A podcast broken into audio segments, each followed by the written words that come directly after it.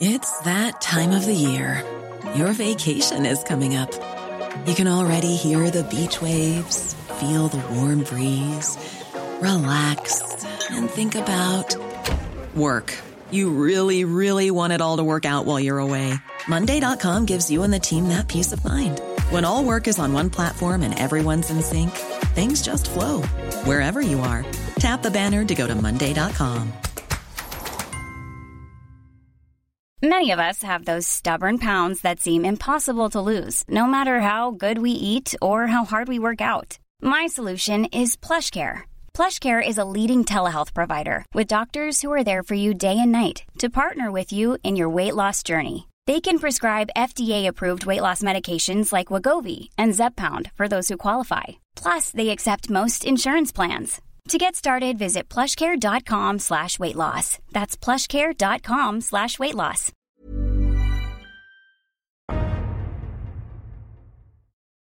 Velkommen til Økonominyhetene og vår morgensending mandag. I dag skal vi ta dere gjennom Asia-børsene. Vi skal også se på oljepris sammen med råvaresjef i SEB Bjarne Schjelderup. I tillegg skal vi til Oslo Børs og har snakket med forvalter i Sissener Bjørn Tore Urdal fra morgenen av. Vi skal også gi dere en fersk oppdatering på koronatallene, men først skal vi til Asia. Og det er positiv stemning på de asiatiske markedene mandag.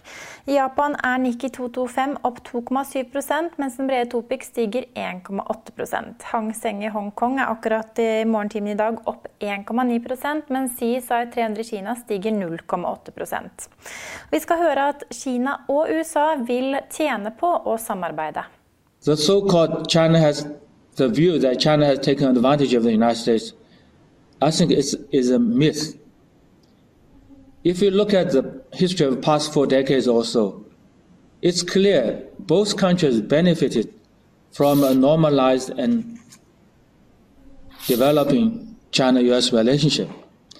So it's clear if our two countries can cooperate with each other, both will benefit. If we have confrontation, both will lose. I think if people could have a clear understanding or agreement on these basic points, then it will be much easier. It's much more hopeful for us to build up a mutual trust. Over til oljeprisen. Oljeprisene er fortsatt under press. Vi har snakket med råvaresjef i SB, Bjarne Schjelderup, om hva som gir oss et frampek på hva vi har i vente. God morgen, råvaresjef i SB, Bjarne Schjelderup. Eh, hva kan du fortelle oss om oljeprisen akkurat nå, og hva tror du blir viktig denne uken? det er klart at, at Overskuddet fortsetter jo, og, og, trykket mot nedsiden fortsetter således. Og, og lageret fortsetter å, å stige. Eh, og Raffineriene får stadig økende problemer med å plassere sine oljeprodukter eh, enten til kunder eller på lager eller på flytende lager. Eh, så langt så har etterspørselen falt mye mer enn det raffineriene har stengt ned. Så raffineriene tvenges nå mer og mer til å stenge aktiviteten sin, eller redusere aktiviteten ytterligere. Som gjør det ytterligere vanskeligere for produsentene å få solgt sine, sin råolje til raffineriene. Så, så oljeprisen fortsetter ned. 5 for eh, brentprisen, som er ned til 20,3 dollar per fat. Og ned 12% for VTI-kontrakten for juni, som da eh, tredes på 14,85 dollar. Hvis vi da ser eh, utover uken, kan vi forvente oss like stor volatilitet som vi så f.eks. For forrige uke? Altså det er klart at det er nok en god del aktører i oljemarkedet og i verden som ser på liksom, Eh, det som skjedde på mandag for en uke siden, når, når eh, VTI Mai-kontrakten eh, stengte på minus 37,63 dollar per fat. Så Det var liksom det, var liksom det endelige punktet hvor, hvor liksom, dette er det som kommer til å stå i historien som, som da markedet krasjet. og Det var liksom siste krasjet, og deretter så er det bare oppover. Så vi ser jo at investorene hiver seg på og kjøper, kjøper ETF-er e som er basert på olje. Men, men, faktum er at vi har like stort overskudd i dag som for en uke siden. Altså Hendelsen for en uke siden det var ikke det som tvang tilbudet etterspørsel til å balansere. Så vi kjører fortsatt med et stort overskudd, og lagrene stiger. Og prisene fortsetter å presses ned inntil vi faktisk får det jordskjelvet som skal balansere tilbud og etterspørsel. Så sånn sett kan vi si at Hendelsen forrige mandag var et et forjordskjelv. Det var ikke selve jordskjelvet. Det var ikke det som fikk markedet til å balansere. Det er fortsatt foran oss. Ja, men Betyr det at vi kan få For det jordskjelvet vi snakker om nå, det var jo da på råolje, ikke sant? VTI-kontrakten for mai. Betyr det at det nå kan komme et nytt jordskjelv, men denne gangen på brent, altså nordsjøolje?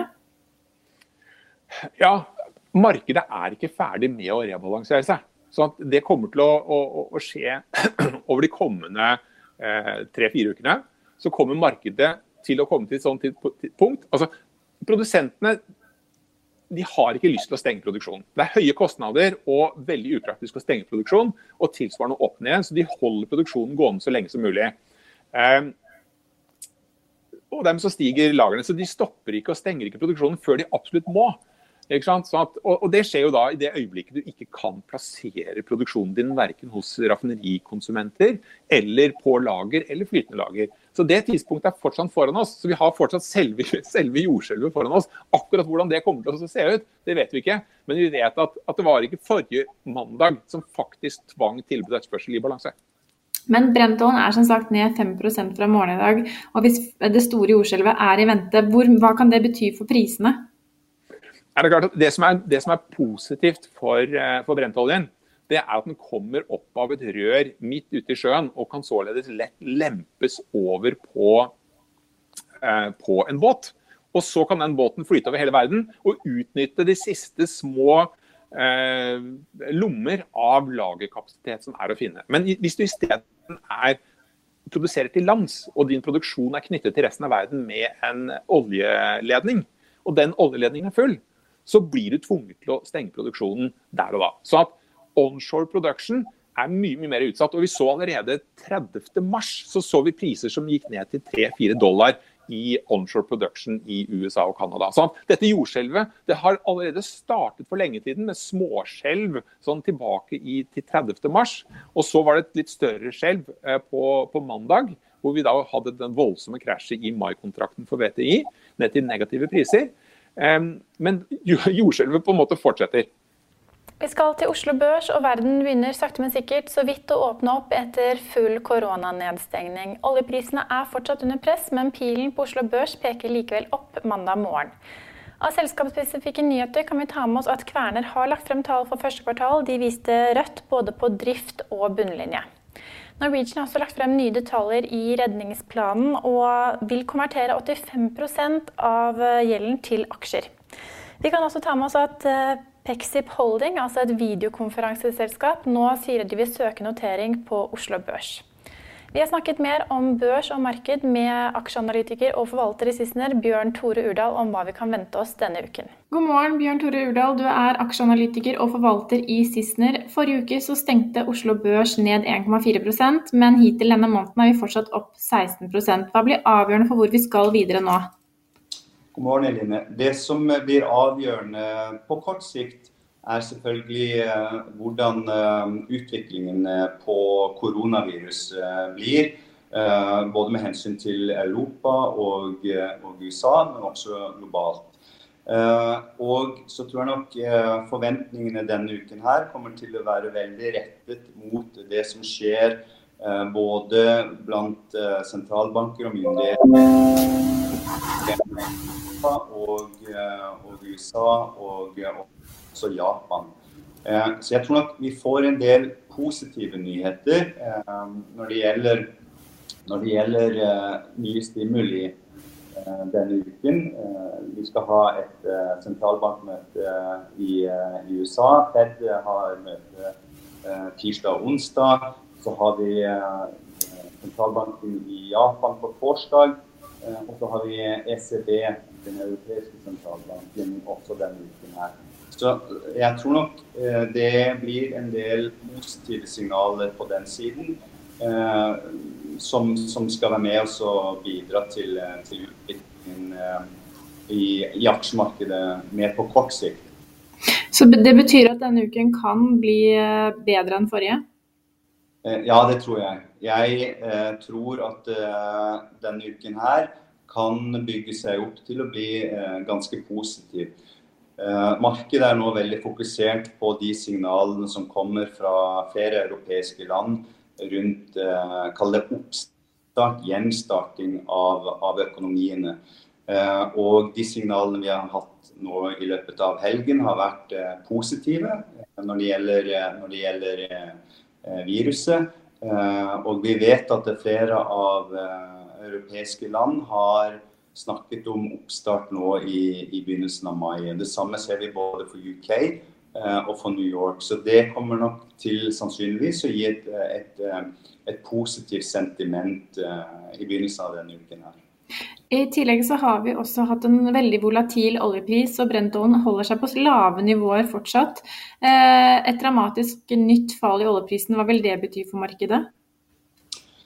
Um, kortsiktig så tror jeg at uh, for Oslo Børs så kan det være en liten prøvelse. Uh, men det vi, det vi, ser i markedet er at uh, generelt så har markedet på en måte sett gjennom det man da ser på som en absolutt lav oljepris i forrige uke. det har vi sett på, på oljerelaterte selskaper, og vi har sett det også på, på markedet generelt. Eh, jeg tror at markedet eh, ser på olje som andre typer råvarer. Altså at det er en, en, eh, en spot asset. Dvs. Si at den, den, diskonterer egentlig ikke noen fremtidige kontantstrømmer og skal heller ikke verdivurderes deretter, men er en refleksjon av tilbud og etterspørsel. Og markedet har forstått at nå er det altfor mye olje i markedet som ikke finner noe sted eh, hvor det kan lagres. Um, så jeg tror markedet har sett på den bunnen som var i forrige uke, som sannsynligvis bunnen i oljemarkedet.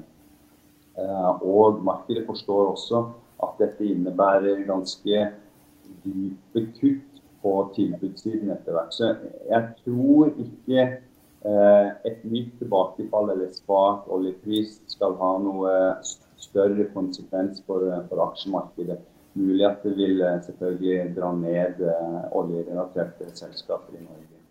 Vi er i gang med kvartalsesongen også for første kvartal her i Norge. og hvis vi ser på hva som har kommet fra selskapene hittil, så er det både nedjusteringer eh, av forventninger, det er eh, nedjusteringer av guidinger. Vi hører at utbytter uh, utsettes, men også at flere har kommet med resultatvarsel.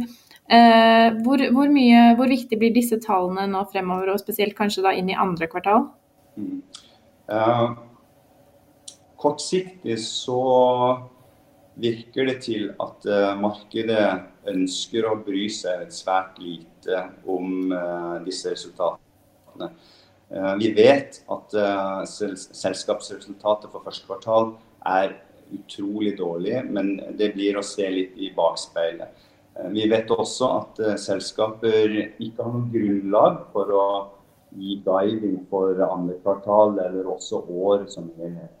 Og Derfor har jo også markedet valgt å ikke se på inntjening på 2020 eh, egentlig i det hele tatt, men, men, har valgt å se på 2021.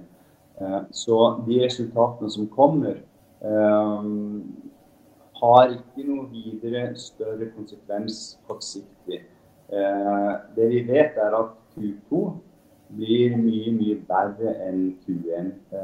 Og og eh, det skal mye til for å overraske sånn sett på, på, på nedsiden når selskapene leverer resultater. Så til en koronaoppdatering. Det er akkurat nå 7527 som er testet og bekreftet smittet av korona i Norge. Vi har 123 innlagt på sykehus og om lag 201 døde. Vi er tilbake med vår ettermiddagssending med Trygve Hegnar klokken 15.30. I mellomtiden kan du følge med vår løpende nyhetsdekning på finansavisen.no. Morgenoppdateringen er tilbake i morgen tidlig klokken 10, og ha en fortsatt fin dag. Økonominyhetene er en podkast fra Finansavisen. Programledere er Marius Lorentzen, Stein Ove Haugen og Benedikte Storm Bamvik. Produsenter er Lars Brenden Skram og Bashar Johar. Og ansvarlig redaktør er Trygve Hegnar.